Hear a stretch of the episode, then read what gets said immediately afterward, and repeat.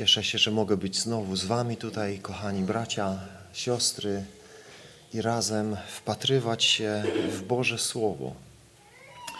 Słowo życia, które daje życie tym, którzy je przyjmują. Daje życie, którzy, tak jak brat się tu modlił, nie tylko go słuchają, ale przyjmują je i żyją tym Słowem, są mu posłuszni. Będziemy czytali z drugiego listu do Koryntian, z piątego rozdziału. Przeczytamy najpierw dłuższy fragment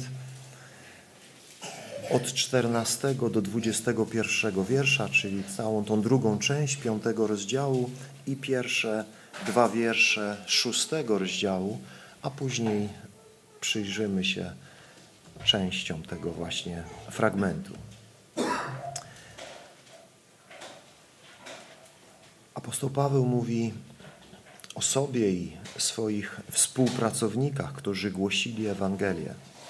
Mówi, gdyż miłość Chrystusa przenika nas albo naciska na nas, przynagla nas, którzy stwierdziliśmy, że jeden umarł za wszystkich.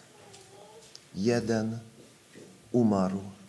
za wszystkich. I wiemy, że tym jednym jest Jezus. On umarł za wszystkich. I przez to, że On umarł za wszystkich, wszyscy umarli.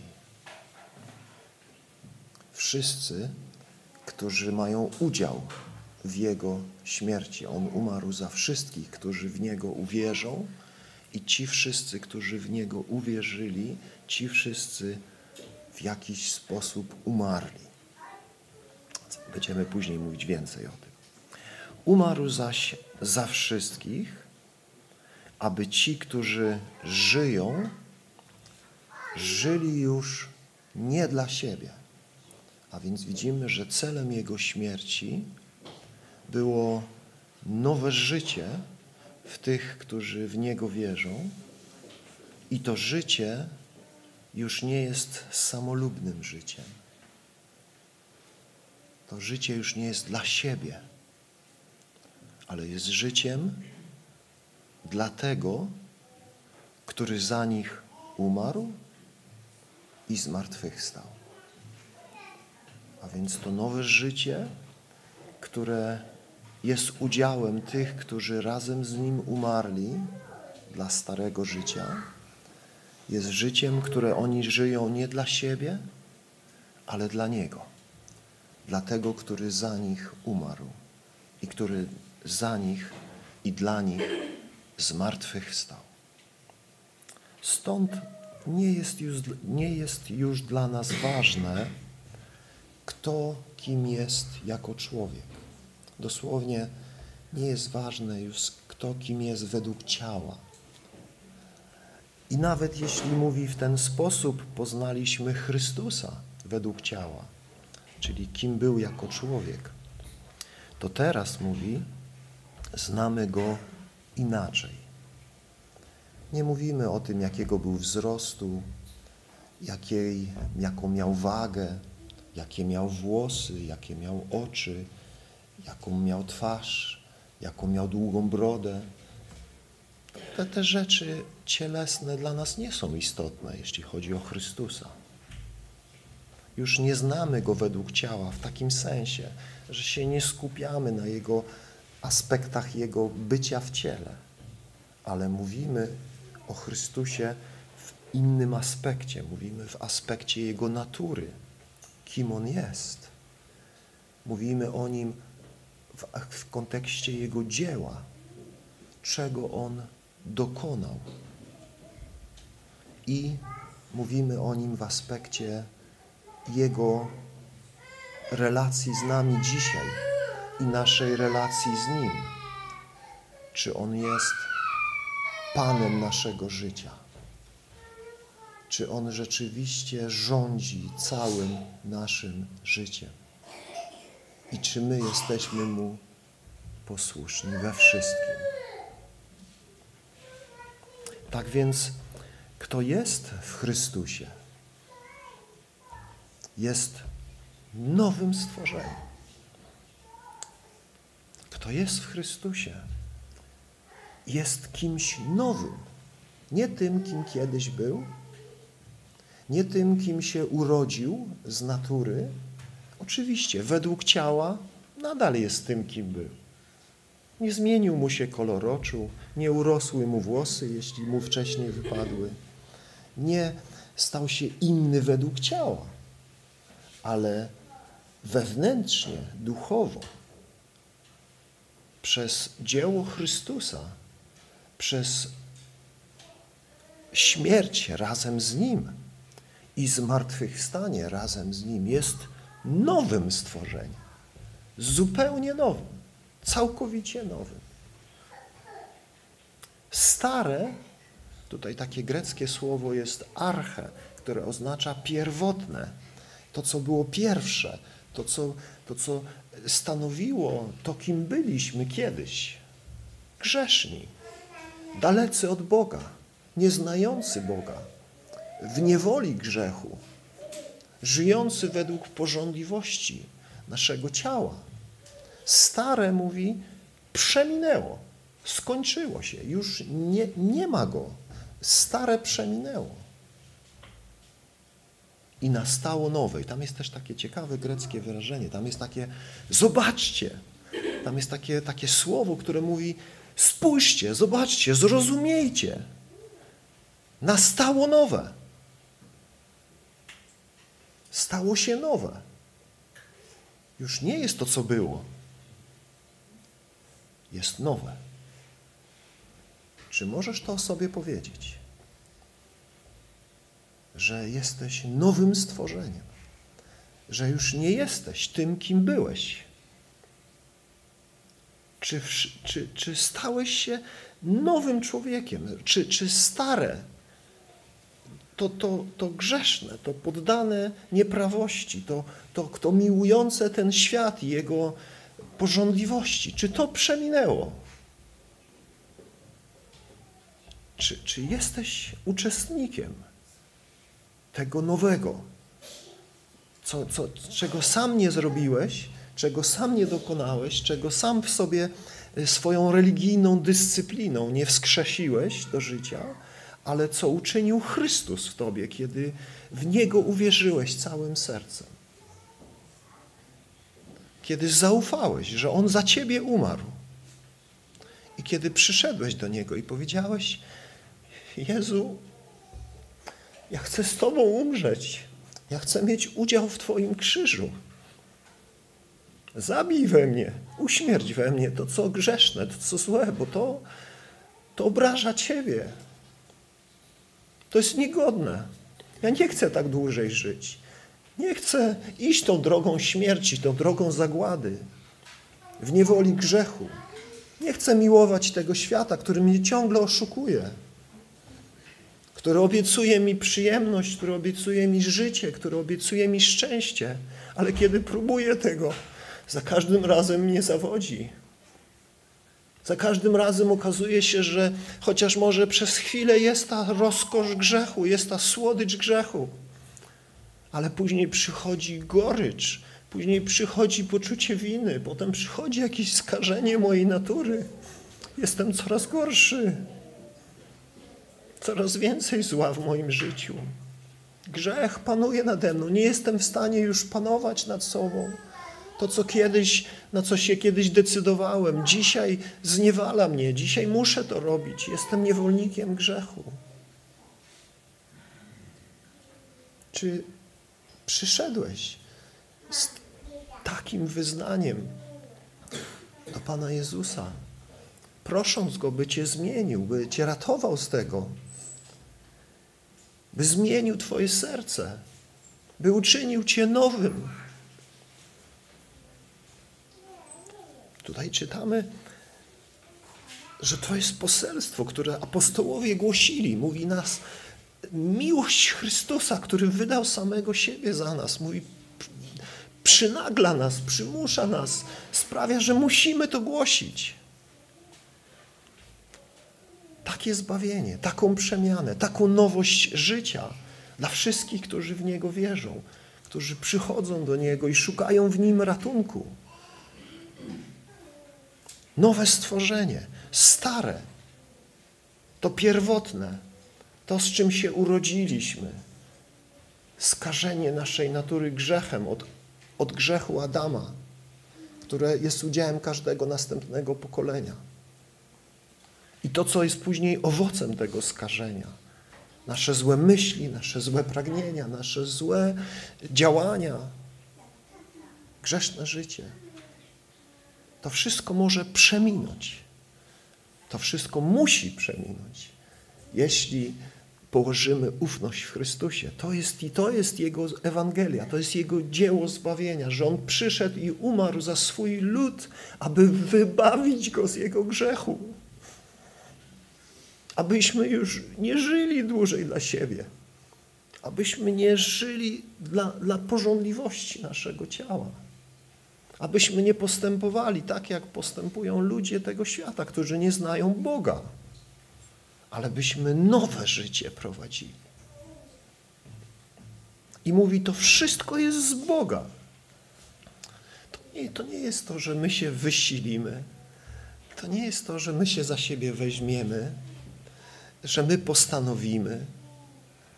To jest dzieło Boga, którego On dokonuje, kiedy my przychodzimy do Niego w naszej bezradności, w naszej bezsilności, w naszym przyznaniu się, że sami siebie nie zreformujemy.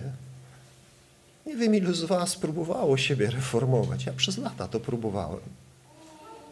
Próbowałem się zmieniać, próbowałem się poprawić.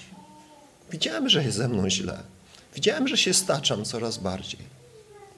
I miałem chwilę refleksji nad swoim marnym życiem i próbowałem się zmieniać, próbowałem, yy, postanawiałem, że nie będę tego czy tamtego. Ale to na długo się nie zdawało, to, to nie przynosiło jakiejś przemiany. Okazywało się, że grzech jest silniejszy ode mnie. Okazywało się, że moje dobre chęci nie wystarczą. Moje religijne starania to za mało. Potrzebowałem pomocy z góry. Potrzebowałem łaski Boga, które by zmieniło mi od wewnątrz, od moje serce, moje pragnienia, moje myśli, moje w ogóle podejście do wszystkiego, do świata, do mnie samego, do Boga, do drugiego człowieka. To wszystko jest z Boga. To tylko Bóg może dokonać takiej przemiany, takiej rewolucji w sercu człowieka. My sami siebie nie możemy zreformować. Gdybyśmy mogli siebie zreformować, Chrystus nie musiałby przychodzić na ziemię, nie musiałby być przymity do krzyża, nie musiałby wziąć na siebie naszych nieprawości, cierpieć i umierać za nas.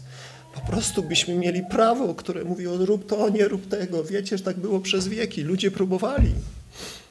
I się okazało, że nie ma ani jednego, który by tak żył, jak prawo Boże mówi, jak Bóg wymaga, jak człowiek nawet chciałby żyć.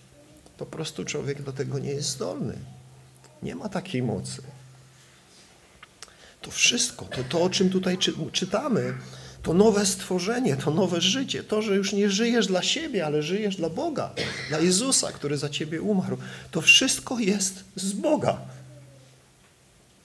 To jest z Boga. To Bóg musi w tobie uczynić. Musisz do Niego przyjść, musisz do Niego wołać, musisz od Niego to przyjąć. To jest z Boga, który pojednał nas ze sobą przez Chrystusa, który w Chrystusie nas ze sobą zjednoczył. Byliśmy od Niego daleko, byliśmy zupełnie inni od Niego, byliśmy Mu wrogo usposobieni, prowadziliśmy życie, które zaprzeczało temu, że jesteśmy stworzeni przez Boga, że jesteśmy Jego stworzeniem. Ale dzięki dziełu Chrystusa, dzięki Jego śmierci na krzyżu, Bóg nas pojednał ze sobą. Uczynił nas ze sobą jedność. To jest niesamowite. Takiego dzieła Bóg jest w stanie dokonać przez Chrystusa. Gdy w Niego wierzymy, jest w stanie nas ze sobą zjednoczyć. Niesamowite. Jedność z Bogiem. Grzeszny, upadły człowiek pełen zła w sobie, pełen złych myśli, złych pragnień, przewrotne serce. I Bóg w Chrystusie ma moc zjednoczyć człowieka ze sobą, zamieszkać w człowieku, umieścić człowieka w Chrystusie i Chrystusa w nim. zjednoczyć człowieka z Bogiem. Pojednał nas ze sobą przez Chrystusa i co więcej, zlecił nam posługę pojednania. A więc nie tylko nas ze sobą jedna, nie tylko w naszym życiu czyni to cudowną przemianę, ale mówi nam teraz: idźcie i jednajcie jeszcze innych z Bogiem. Pomóżcie innym zjednoczyć się z Bogiem. Ja tutaj dzisiaj jestem z wami, bracia, siostry i być może przyjaciele, ludzie, którzy jesteście na granicy, którzy może jesteście religijnymi ludźmi. Ja was nie znam, kochani. Ja tutaj jestem gościem po raz trzeci, także czuję się już trochę, jak wiecie, bliżej was. Ale jestem gościem, nie znam waszego życia, nie znam waszych serc, nie znam, jak, jak myślicie, jak, jaka jest wasza wiara. Dlatego nie, nie, nie, gniewajcie się na mnie, jeżeli te słowa, które mówię, może już dawno wiecie i przeżyliście i dla was to nic nowego. Ale może jest tutaj ktoś, kto, kto jeszcze tego nie przeżył. Może są tutaj tacy, którzy tak jak ja kiedyś próbują religijnie, się starają, wysilają się, ale nie mają tego doświadczenia, nie mają tego życia. I naszym zadaniem, którzy tego doświadczyliśmy, a ja tego z łaski Bożej doświadczyłem, kiedy miałem 18 lat, jako młody chłopak. Bóg mnie znalazł i dał mi to poznać. I od tamtego czasu staram się, gdzie mogę, pojednywać ludzi z Bogiem, mówić im, ty też tego możesz doświadczyć. Ty też możesz być, mieć nowe życie. Nie musisz tak żyć. Nie musisz być religijnym człowiekiem, który ciągle żyje w grzechu który ciągle musi wyznawać Bogu te same grzechy i te same grzechy i te same grzechy i po prostu coraz więcej tych grzechów. Nie musisz tak żyć. Możesz mieć nowe życie, możesz być jedno z Bogiem w Chrystusie. Bóg nas pojednał i zlecił nam posługę pojednania. To, co my doświadczyliśmy, inni też tego potrzebują wokół nas doświadczyć. I zobaczcie, jak to tutaj pięknie apostoł Paweł opisuje, w czym leży ta, to pojednanie. Wyjaśnia nam, mówi, to znaczy to. To znaczy, że Bóg w Chrystusie, przez dzieło Chrystusa, przez osobę swojego Syna, świat, ten grzeszny, zły świat, jedna ze sobą. Oczywiście wiemy, że nie cały świat, nie wszystkich z tego świata, ale tych wszystkich w tym świecie. Dla wszystkich jest otwarte zaproszenie, dla wszystkich jest otwarte wezwa, wez, wez, jest, jest wezwanie do wszystkich, żeby się z Nim pojednać, żeby przyjść do Niego, żeby znaleźć się w Nim. Bóg w Chrystusie świat ze sobą jedna, nie poczytując ludziom ich upadków. A więc jakkolwiek człowiek nisko upadł, Jakkolwiek człowiek się y, pogrążył w tym bagnie grzechu, jakiekolwiek złe rzeczy wydarzyły się w Twoim życiu, Bóg może Cię z sobą pojednać. Nie ma takiego miejsca, nie ma takiego grzechu, takiego bagna, z którego Bóg nie mógłby Cię wyciągnąć. Jakkolwiek byś go okłamywał przez lata, jakimkolwiek obłudnikiem religijnym byś był, kimkolwiek byś nie był, jakimikolwiek grzechami byś się nie skaził, Bóg jest w stanie w Chrystusie, dzięki temu, co Chrystus wycierpiał przez Jego śmierć, jest w stanie pojednać się z Tobą. To jest nasze poselstwo, że dla każdego człowieka, dla każdego, dla wszystkich ludzi w tym świecie jest możliwość pojednania się z Bogiem przez Chrystusa.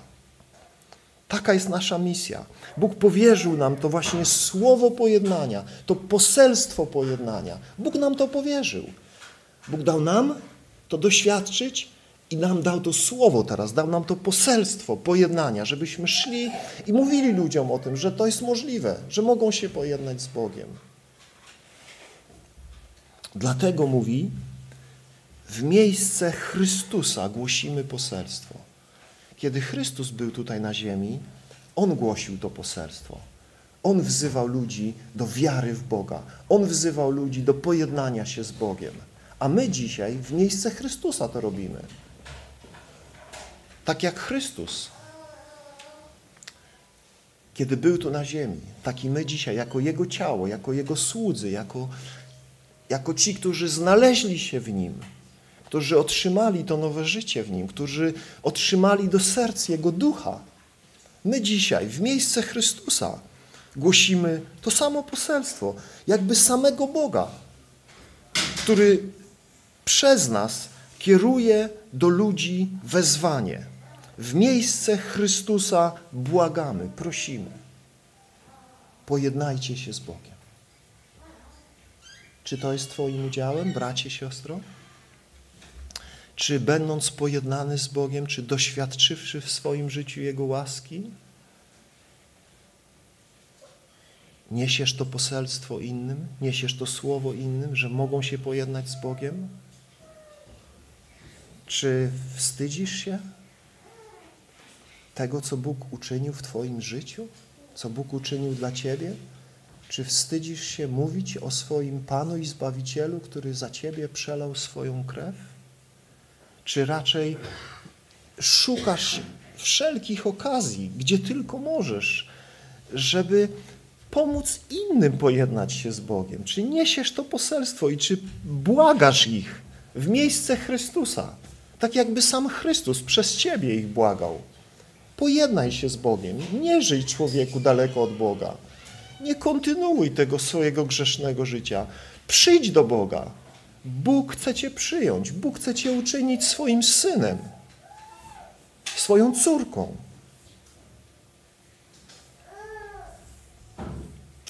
On tego, który nie znał grzechu, czyli Jezusa Chrystusa, bo On jako jedyny człowiek nie znał grzechu. Bóg stał się człowiekiem. Boży Syn zamieszkał w ludzkim ciele. I On jako jedyny, jako ten jeden, o którym Paweł wcześniej mówi, nie znał grzechu w swoim doświadczeniu, w swoim życiu. On znał grzech w sensie, widział go wokół, stykał się z nim, zmagał się z nim, a pewnego dnia, gdy zawisł na krzyżu, cały grzech wszystkich ludzi został na niego złożony, grzech całego świata.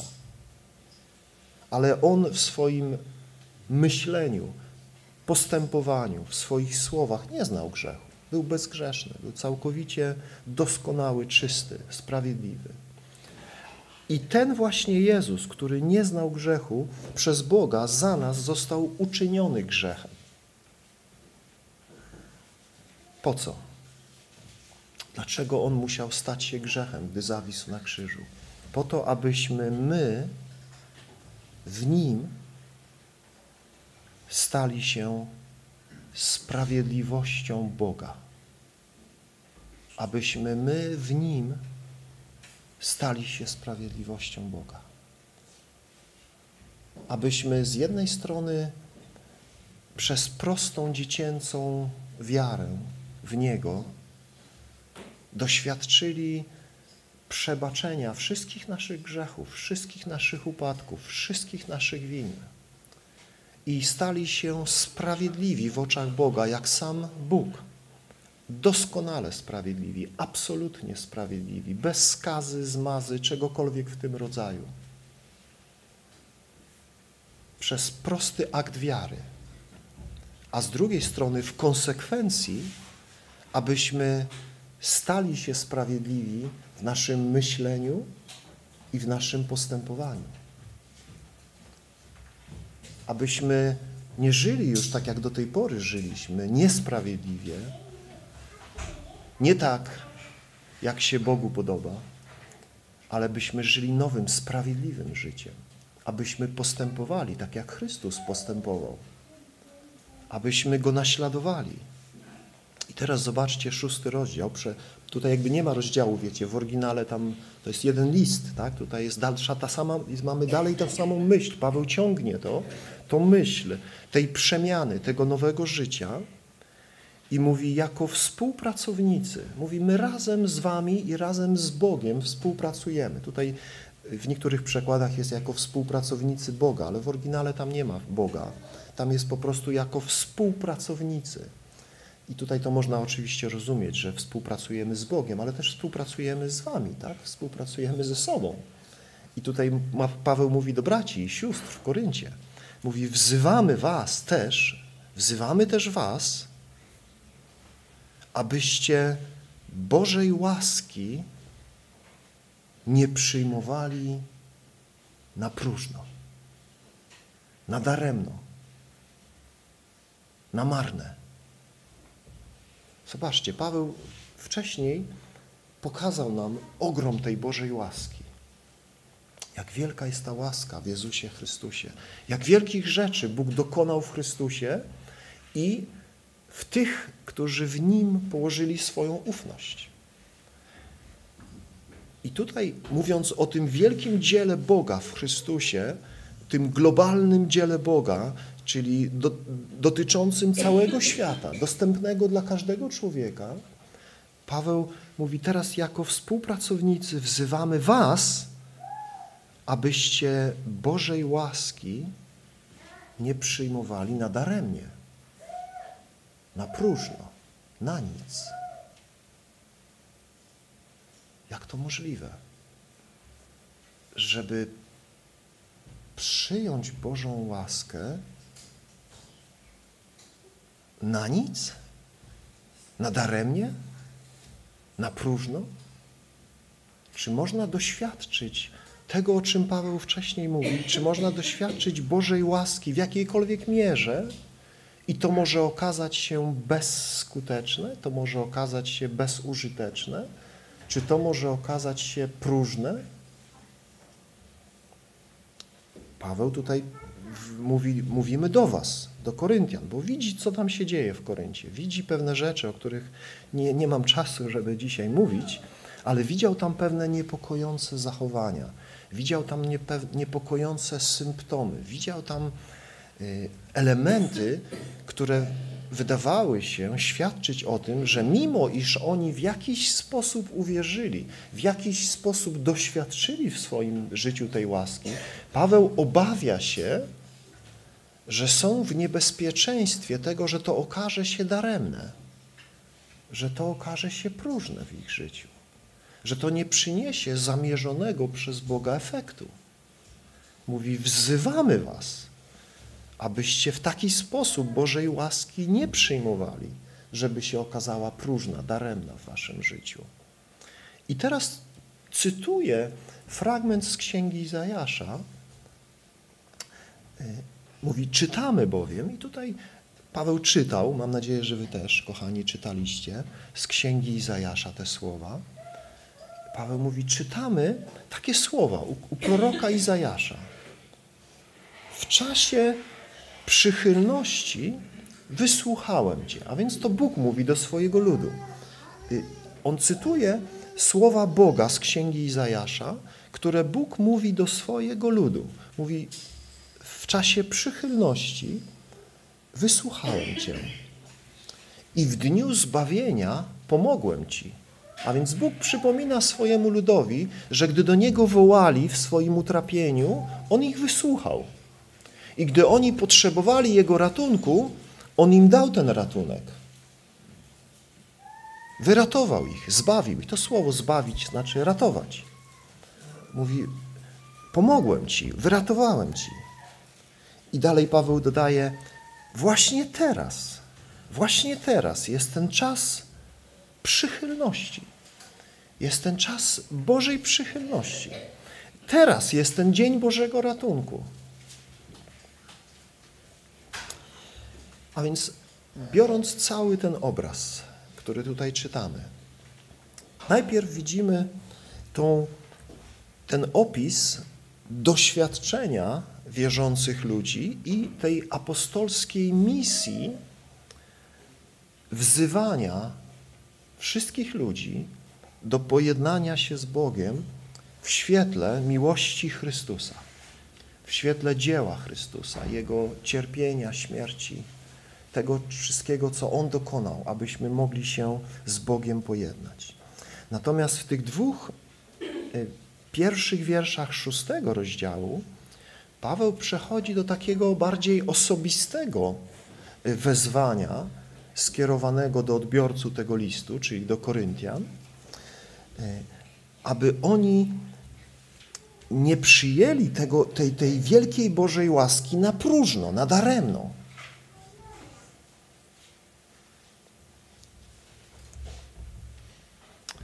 Najczęściej definiujemy Bożą łaskę jako niezasłużoną przychylność, jaką Bóg nam okazuje i najczęściej wiążemy łaskę z tym pierwszym krokiem wiary. Najczęściej wiążemy łaskę z naszym nawróceniem do Boga. Z tym momentem, kiedy przychodzimy do Niego z naszym grzechem i prosimy Go o zbawienie, o ratunek, o przemianę naszego życia.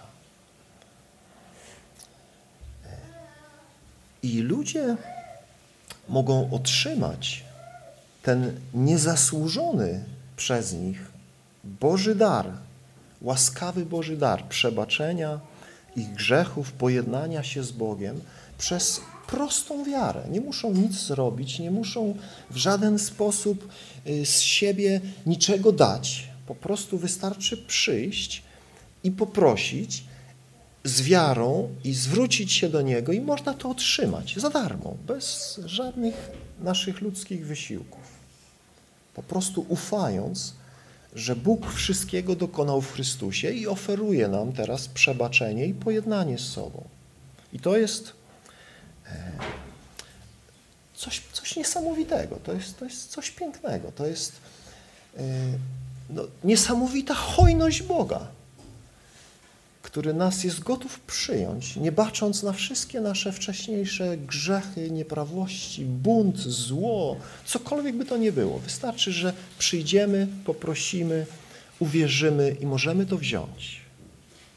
Bóg utorował ludziom drogę, aby mogli się z Nim pojednać i ze swojej strony Bóg uczynił wszystko, wszystko co konieczne, abyśmy mogli do Niego przyjść i mogli się z Nim pojednać i przez to mogli otrzymać dar nowego życia.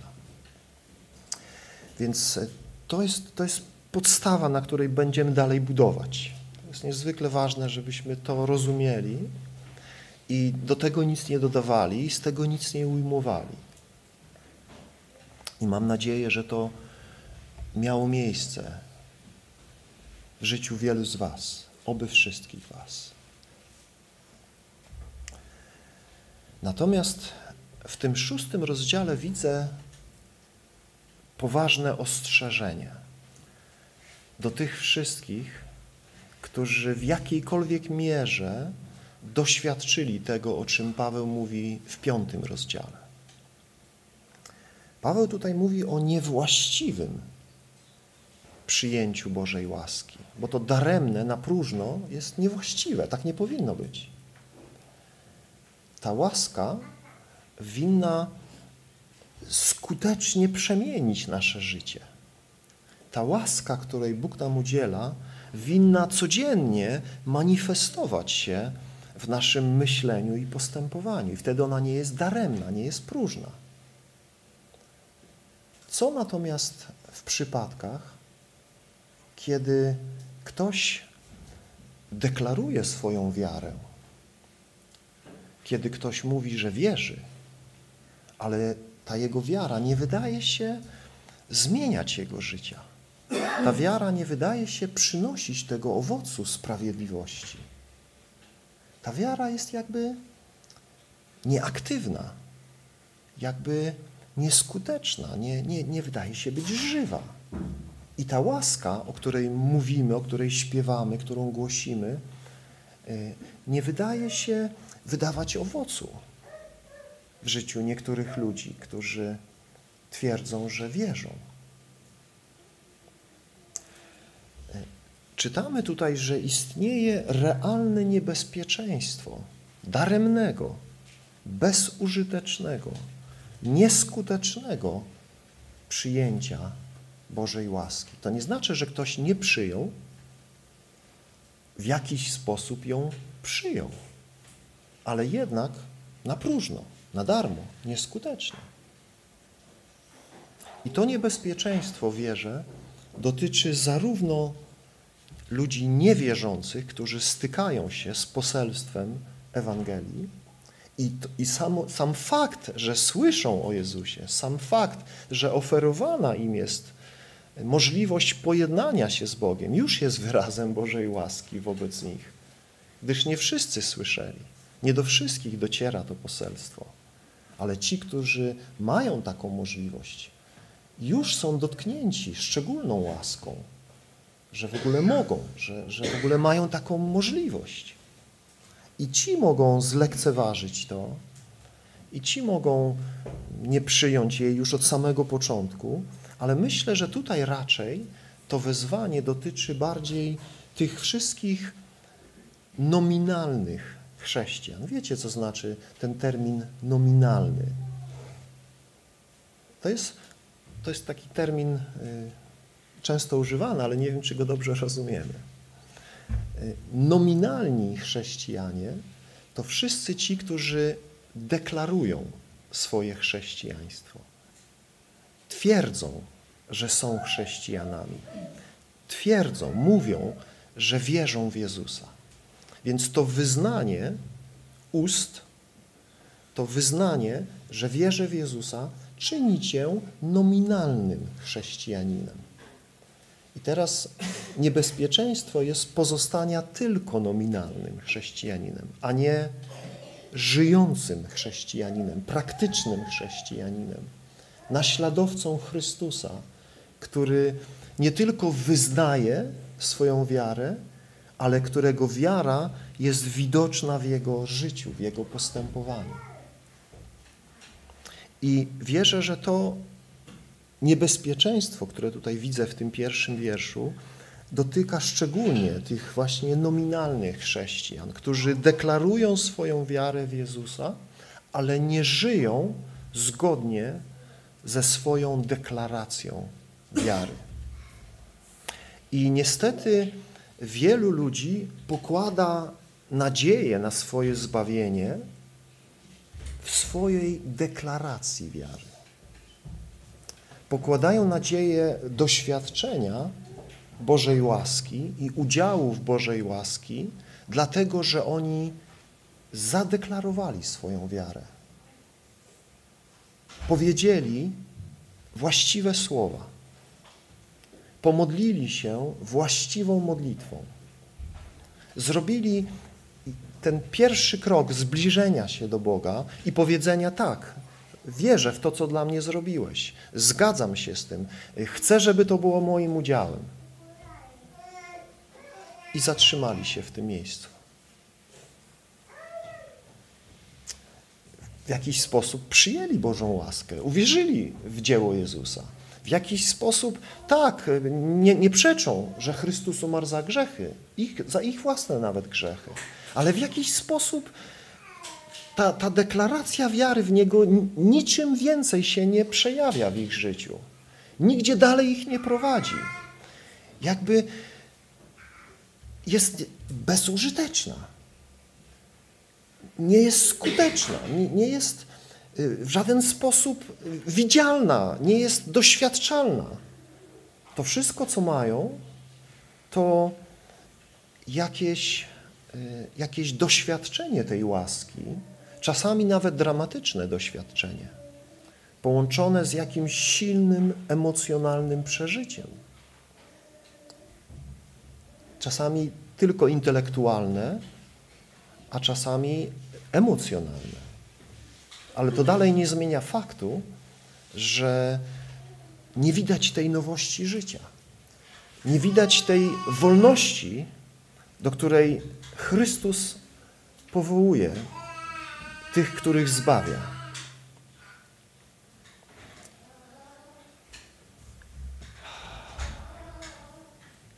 Z pewnością można powiedzieć, że wielu słuchających Ewangelii doświadcza Bożej łaski przez sam fakt bycia zaproszonym, zbliżenia się do Boga. Mimo to wielu słuchaczy, wielu słuchaczy dobrej nowiny o zbawieniu w Jezusie nadal jest zgubionych. Dzisiaj często cytuje się, nie patrząc w ogóle na tekst, słowa Pana Jezusa o budowaniu na skalę. I mówi się, jak będziesz słuchał Słowa Bożego, to będziesz budował na skalę. Hm. Ale Pan Jezus mówi, że kto słucha, buduje na piasku, nie na skalę. Jezus mówi, kto słucha mojego słowa, buduje na piasku. Naprawdę? Tak. Tak Pan Jezus mówi. Poszukajcie fragmentu i przeczytajcie. Pewnie nie raz go czytaliście i pamiętacie, co Jezus mówi. Jezus mówi, nie ten, kto słucha, buduje na skalę. Ten, który słucha, tylko słucha, buduje na piasku. I pewnego dnia jego dom się rozleci. Ale mówi ten, kto słucha i czyni. Ten, który słucha i wykonuje, ten buduje na skalę. A więc słuchanie Słowa Bożego jest dobre, jeśli jest połączone z czynieniem. Jeśli to jest tylko słuchanie i nawet zgadzanie się, to jest budowanie na piasku. To jest daremne.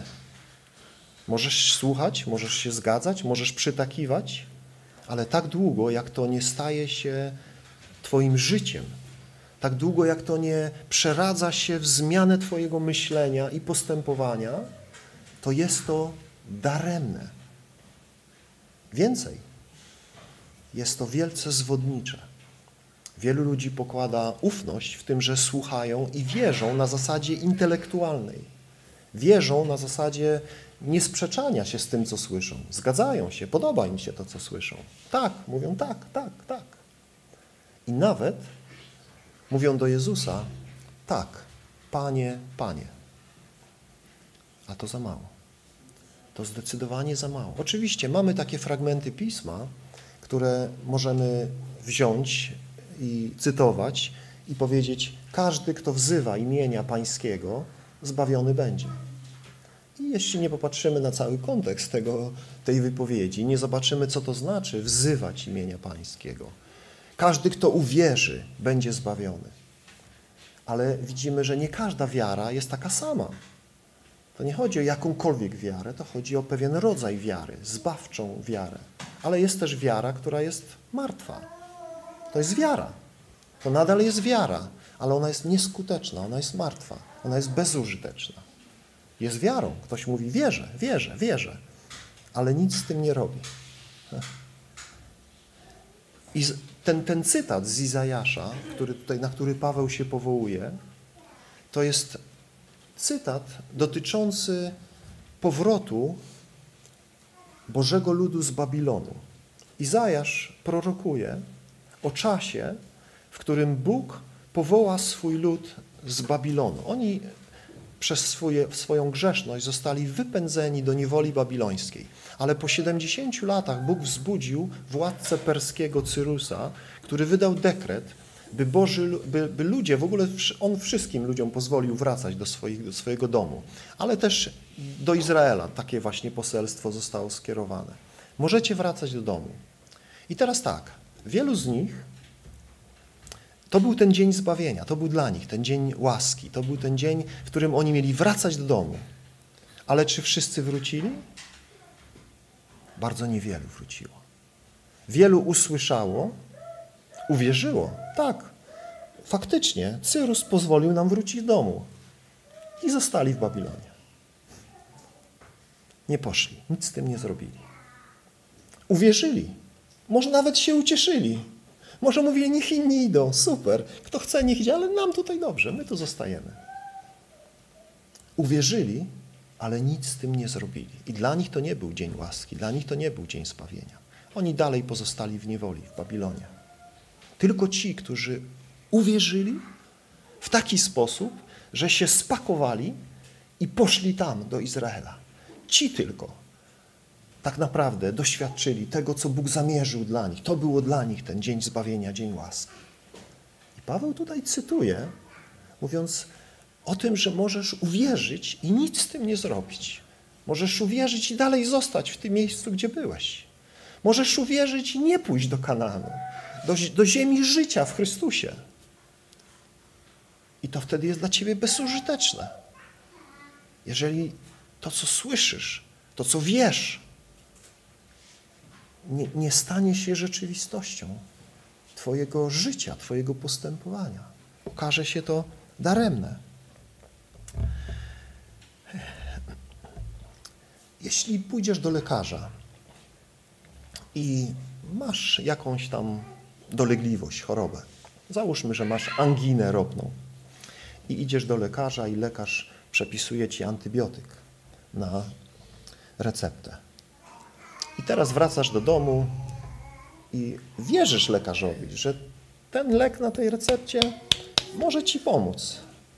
I w piękną ramkę, tak tutaj, tą receptę sobie wkleisz na ścianie. I wierzysz, że ten lek może ci pomóc. Tak, naprawdę, ten lek może ci pomóc. Czy wierzysz lekarzowi? No, w pewnym sensie tak. No wierzysz. Nawet w zaszczytnym miejscu powiesiłeś receptę, żeby wszyscy wiedzieli, że jaki mądry lekarz. Taki dobry lek mi zapisał.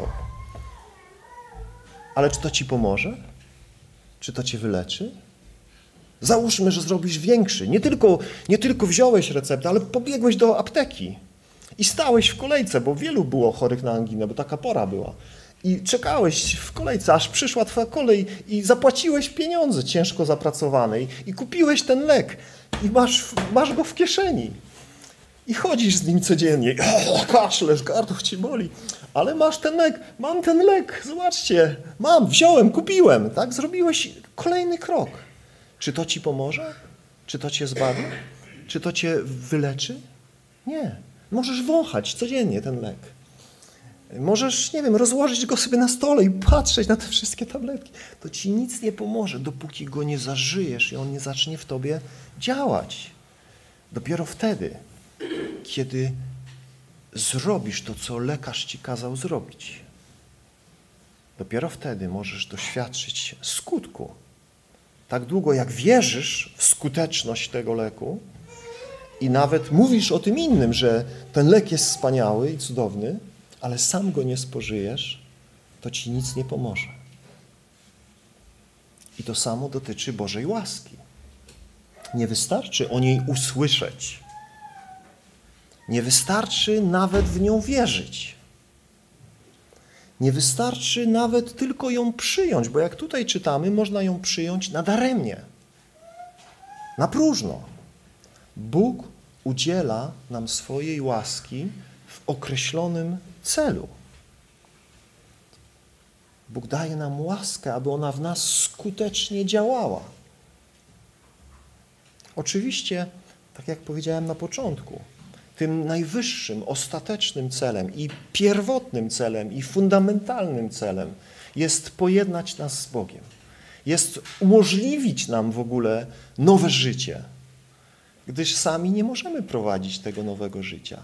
Więc ta łaska w przyjęciu nas, w, w, bez, bez naszych wysiłków, bez naszej jakiejś, jakiejkolwiek, jakiegokolwiek naszego udziału, po prostu przyjść i wziąć, uwierzyć, że Jezus umarł za moje grzechy i prosić Go, by zmienił nasze życie. To jest, to jest pierwszy krok, ale to nie jest ostatni krok, to jest pierwszy krok. Ta łaska ma dalej skutecznie w nas działać poprowadzić nas przez kolejne kroki, kolejne kroki. My, przyjmując wiarą dzieło Chrystusa, rozpoczynamy nowe życie. Wchodzimy na drogę życia. Robimy pierwszy krok, ale to nie jest ostatni krok. Mamy robić każde następne kolejne kroki z tą samą łaską. To nie jest tak, że następne kroki robimy już o własnych siłach, ale tak jak przyjęliśmy Chrystusa Pana, tak w Nim mamy trwać, tak w Nim mamy chodzić. Zobaczmy jeszcze na kilka miejsc powiązanych z Bożą łaską. Ja w ogóle nie, nie kontroluję czasu, także jak już zacznę za długo, to jakaś zapadnia tu by się przydała, żebym ja po prostu wpadł i skończył, bo y, nie zacząłem mierzyć czasu. Zazwyczaj to robię, a tutaj nie wiem, ale będę się starał nie za długo zacząć. Ile już mówię w ogóle? Tam już jest pół godziny pewnie, albo dłużej. Ile? Pięćdziesiąt. Ludzie, ja już powinienem skończyć. To spróbuję króciuteńko. List do Tytusa, drugi rozdział. List do Tytusa, drugi rozdział. Zobaczmy, jak ta Boża zbawienna łaska się nam objawiła. Ukazała się bowiem wszystkim ludziom zbawienna Boża łaska, nauczająca nas, abyśmy wyrzekli się bezbożności i światowych porządliwości i w obecnym wieku, w obecnym czasie żyli jak? Mądrze, sprawiedliwie i pobożnie. Boża łaska ma dwa bieguny, jeśli tak mogę powiedzieć. Z jednej strony jest wyrzeczenie się czegoś, odrzucenie czegoś dzięki tej łasce, dzięki tej, temu uzdolnieniu od Boga, bo łaska nie oznacza tylko Bożej przychylności, ale oznacza też Jego moc, Jego uzdolnienie, umożliwienie nam czegoś. I z jednej strony ta łaska naucza nas, wzywa nas, abyśmy wyrzekli się pewnych rzeczy, bezbożności i światowych porządliwości, żebyśmy nie żyli bez Boga, bezbożnie i żebyśmy nie żyli według modły tego świata, nie patrzyli na ten świat, nie czerpali z niego wzorców, nie miłowali tego świata. Tego mamy się wyrzec, to mamy odrzucić dzięki Bożej łasce. I z drugiej strony, abyśmy mądrze, sprawiedliwie i po Bożemu, pobożnie żyli, tak jak Bóg chce. Do tego nas uzdalnia Boża łaska. I jeśli tego nie ma w naszym życiu, to daremnie ją przyjęliśmy, przychodząc tylko pod krzyż, szukając przebaczenia tylko naszych grzechów. Zrobiliśmy pierwszy krok, ale pierwszy krok to za mało. To musi też mieć miejsce w naszym życiu. Wtedy ta łaska nie jest bezużyteczna, nie jest bezskuteczna, bo ona się na to objawiła. To jest zbawienna łaska, zobaczcie. Zbawienna łaska ukazana wszystkim ludziom. Każe nam wyrzec się bezbożności, światowych porządliwości i każe nam mądrze, sprawiedliwie i pobożnie żyć, oczekując szczęśliwej nadziei i ukazania się chwały wielkiego Boga i Zbawiciela naszego, Jezusa Chrystusa, który dał samego siebie za nas. Po co dał samego siebie za nas, kochani? Abyśmy, co? Aby nas wykupić od wszelkiej nieprawości i oczyścić sobie lud, wybrany na, y, wybrany na szczególną własność, gorliwy w dobrych uczynkach. Widzimy to? Oczyszczenie od wszelkiej nieprawości, oczyszczenie sobie ludu, po co? Aby był gorliwy, chętny, ochotny w czynieniu tego, co dobre. To jest owoc Bożej łaski. I zadaj sobie to pytanie, bracie, siostro. Czy tego doświadczasz? Czy doświadczasz wolności od wszelkiej nieprawości, od brudu tego świata, od myślenia według modły tego świata? Czy karmisz się tym, czym karmią się ludzie tego świata? Czy, czy ekscytuje Cię to, co ekscytuje ludzi nieodrodzonych, niezbawionych? Czy jesteś człowiekiem, który szuka, co ja dobrego mogę zrobić? Komu ja mogę pomóc? W jaki sposób mogę dobrze wykorzystać moje życie, to co Bóg mi dał, zdrowie, siły, pieniądze, możliwości, jakie mam? Czy jesteś gorliwy, gorliwa w czynieniu dobra? To jest owocem Bożej łaski. Jeśli tego nie ma, to coś jest nie tak to ta łaska jest jakoś na marne przyjęta przez Ciebie. Bo, bo to jest Boży cel. Tutaj widzimy, w jakim celu ta łaska została nam udzielona. Jeszcze jeden fragment. Pierwszy list do Koryntian, 15 rozdział, 9 i 10 wiersz.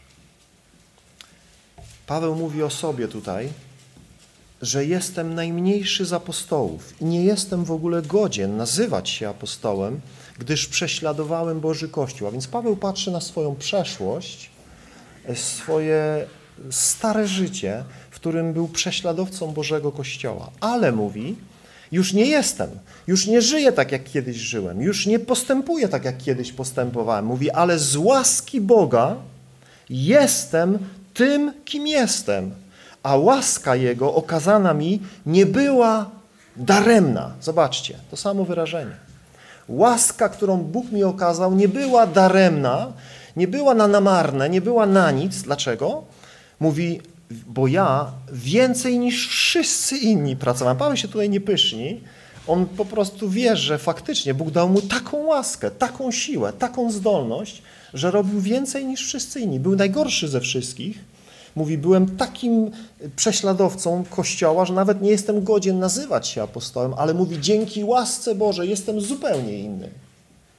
Mówi, pracowałem więcej niż wszyscy, wszakże mówi, nie ja, lecz Boża łaska, która jest ze mną. A więc Paweł nie przypisuje sobie tej swojej wielkiej działalności i wielkich dokonań, ale łasce, która w nim skutecznie działała.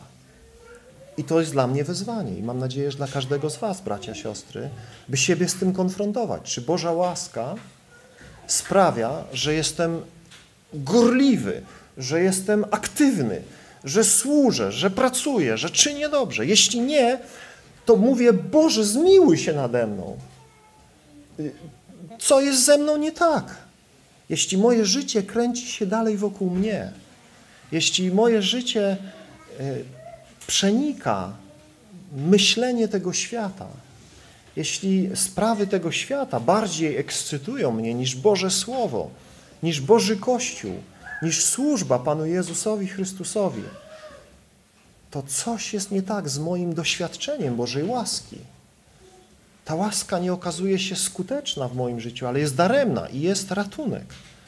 Jest możliwość znalezienia przemiany.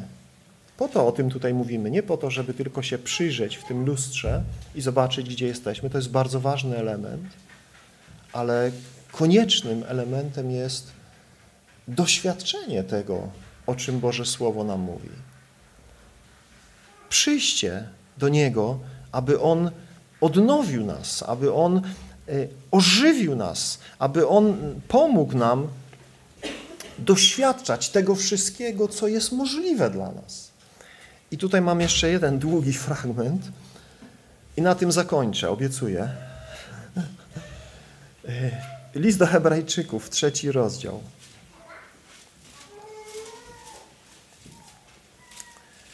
Trzeci rozdział listu do Hebrajczyków, od siódmego wiersza. Zobaczcie, jak tutaj mamy zilustrowane doświadczenie ludzi, którzy przyjęli Bożą łaskę, ale ona okazała się daremna.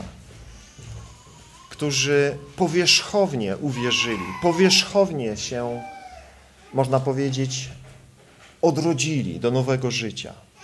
List do Hebrajczyków, trzeci rozdział, od siódmego wiersza. Dlatego tak mówi Duch Święty. Dzisiaj, dzisiaj, jeśli usłyszycie Jego głos, nie zatwardzajcie waszych serc. Jeśli Bóg mówi do ciebie, nie lekceważ tego. Jeśli Bóg porusza Twoje serce i wskazuje Ci, że nie doświadczasz Jego łaski takim wymiarze, w jakim widzisz, że możesz doświadczać z Bożego Słowa, nie zatwardzaj swojego serca, nie lekceważ Bożego głosu, nie odsuwaj tego od siebie.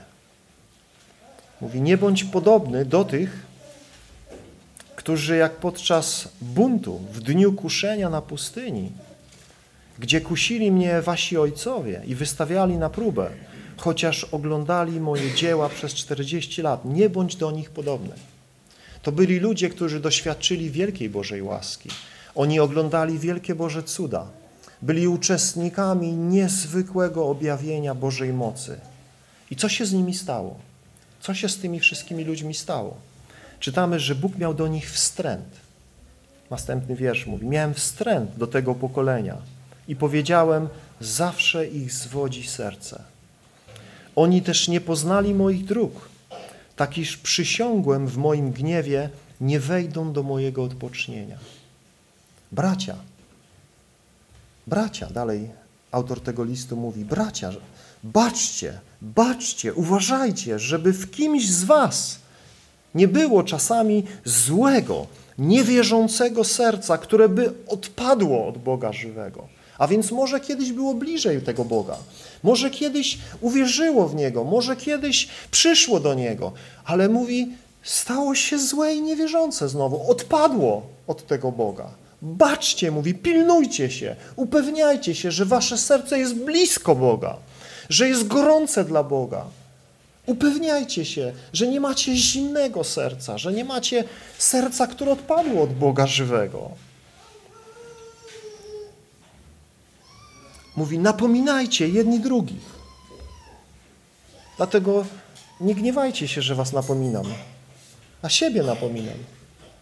I was napominam. Bo tak Pismo mi każe. Byśmy się jako bracia. Ja wiem, że jesteście moimi braćmi i siostrami, ale was napominam. Zachęcam, wzywam. I siebie też. Napominajmy się wzajemnie. Każdego dnia tutaj czytam, nie tylko w niedzielę, ale codziennie, jak mamy możliwość, to się napominajmy do tego, co dobre. Dopóki trwa to, co się nazywa dzisiaj, aby nikt z was nie popadł w zatwardziałość serca, aby nikt nie popadł w zatwardziałość przez oszustwo grzechu. Grzech jest zwodniczy, grzech jest oszukańczy. Jeśli pójdziemy na kompromis z jakimkolwiek grzechem, on zatwardzi nasze serca. On sprawi nieczułość w nas na to, co Bóg do nas mówi. Oszustwo grzechu. Mówi, staliśmy się bowiem współuczestnikami Chrystusa. Więc to jest to piękne dzieło, o którym na początku mówiliśmy. Staliśmy się współuczestnikami Chrystusa. Mamy udział w Chrystusie, zobaczcie, pod warunkiem. To nie jest bezwarunkowe, to jest uwarunkowane. Czym? Jeśli tylko, to jest warunek, jeśli tylko staliśmy się współuczestnikami Chrystusa, jeśli tylko zrobimy pierwszy krok. Tak jest tu napisane? Nie. Nie wystarczy pierwszy krok. Pierwszy krok jest konieczny, jest bardzo ważny, ale to nie jest wszystko. Jeśli tylko aż do końca zachowamy niewzruszenie, niezachwianie, tak samo mocną ufność, jaką mieliśmy na początku. A więc z taką samą wiarą, z jaką zrobiliśmy ten pierwszy krok, musimy robić każdy kolejny i do samego końca musimy zachować tą niewzruszoną, niezachwianą ufność, którą położyliśmy w nim na początku. Gdy się powiada, jeśli dzisiaj usłyszycie Jego głos, nie zatwardzajcie waszych serc, jak podczas buntu. To kto to byli? Kto to byli ci, którzy usłyszeli? Kim byli ci, którzy wtedy usłyszeli, a jednak byli nieposłuszni, którzy się zbuntowali? Kto to był? Czyż to nie byli ci wszyscy, którzy wyszli z Egiptu pod wodzą Mojżesza? Czyż oni nie uwierzyli Mojżeszowi? Uwierzyli, bo wyszli z Egiptu nawet. Złożyli baranka paschalnego. Wyszli z Egiptu, zrobili ten pierwszy krok, wyszli na pustynię w drodze do Kanaanu. Tak, poszli za Mojżeszem, Zbawicielem tamtego czasu. Poszli za nim, wyszli z Egiptu. Już nie byli w Egipcie, już byli w drodze do Kanaanu, na pustyni. I co? Bóg miał do nich wstręt przez 40 lat. Dlaczego? Dlatego, że byli mu nieposłuszni. Dlatego, że grzeszyli, czyli nie czynili tego, co Bóg im kazał. Chybiali Bożego celu, nie robili tak, jak Bóg od nich oczekiwał, ale czytamy, grzeszyli i ich ciała legły na pustyni i Bóg im w końcu przysiągł, że nie wejdą do odpocznienia, bo byli nieposłuszni i w końcu autor tego listu mówi, widzimy, że nie mogli wejść z powodu niewiary. A, jak to niewiary? Przecież oni uwierzyli. Uwierzyli w Mojżesza, przeszli, wyszli z Mojżeszem, ale okazało się, że ta wiara była bezużyteczna, nieskuteczna. Ich ciała zaległy pustynię. To, I to jest wielkie ostrzeżenie, jakie autor tego listu kieruje do swoich odbiorców tamtych czasów i które my też musimy sobie wziąć do serc. Byśmy upewniali się, że po pierwsze prawdziwie się nawróciliśmy do Chrystusa, że naprawdę zawierzyliśmy Mu wszystko, że nasze odrodzenie nie było połowiczne, nie było płytkie, nie było sentymentalne, nie było tylko emocjonalne, nie było tylko intelektualne, ale oddaliśmy Mu całe nasze życie, wszystko. I doświadczyliśmy przemiany, która zrewolucjonizowała wszystko w naszym życiu. Wszystko. Staliśmy się nowi w Nim. I teraz w tej nowości żyjemy. Teraz w tej nowości wzrastamy, doświadczamy coraz więcej łaski w naszym życiu, coraz owocniej Mu służymy. To jest życie w Chrystusie. Wszystko inne jest chybianiem Bożego celu. I jeśli dostrzegamy w naszym życiu jakiekolwiek odstępstwo od tego, jeśli widzimy grzech, który znowu pojawia się w naszym życiu, jeśli widzimy nieposłuszeństwo Bogu, lekceważenie i co gorsza, myślenie, że Boża łaska to przykryje, że tak jak na początku Bóg okazał się y, łagodny wobec naszego grzechu, przyjął nas pomimo naszej grzeszności, to jeśli myślimy, że teraz skoro przyjął nas, no to i teraz też wszystko będzie dobrze, możemy zostać zatwardzeni przez oszustwo grzechu i możemy odpaść od żywego Boga i możemy stać się religijnymi trupami.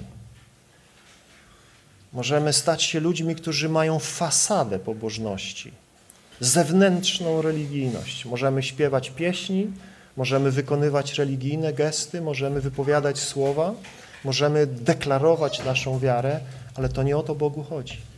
Bogu chodzi o życie Chrystusa w nas, abyśmy wszyscy dorastali do pełni wymiarów Chrystusa, aby coraz więcej Jego życia było w nas, coraz więcej Jego charakteru w nas, coraz pełniejszy owoc Jego ducha w nas, coraz owocniejsze nasze życie i postępowanie. Czas mi kończyć. Także bardzo dziękuję za cierpliwe wysłuchanie. I pomódmy się jeszcze, poprośmy Boga, żeby Bóg dopomógł nam nadaremnie Jego łaski nie przyjmować, ale doświadczać życia i mocy i chwały Chrystusa w nas w coraz większej i większej mierze. Powstańmy, kochani, pomódmy się jeszcze przez chwilkę.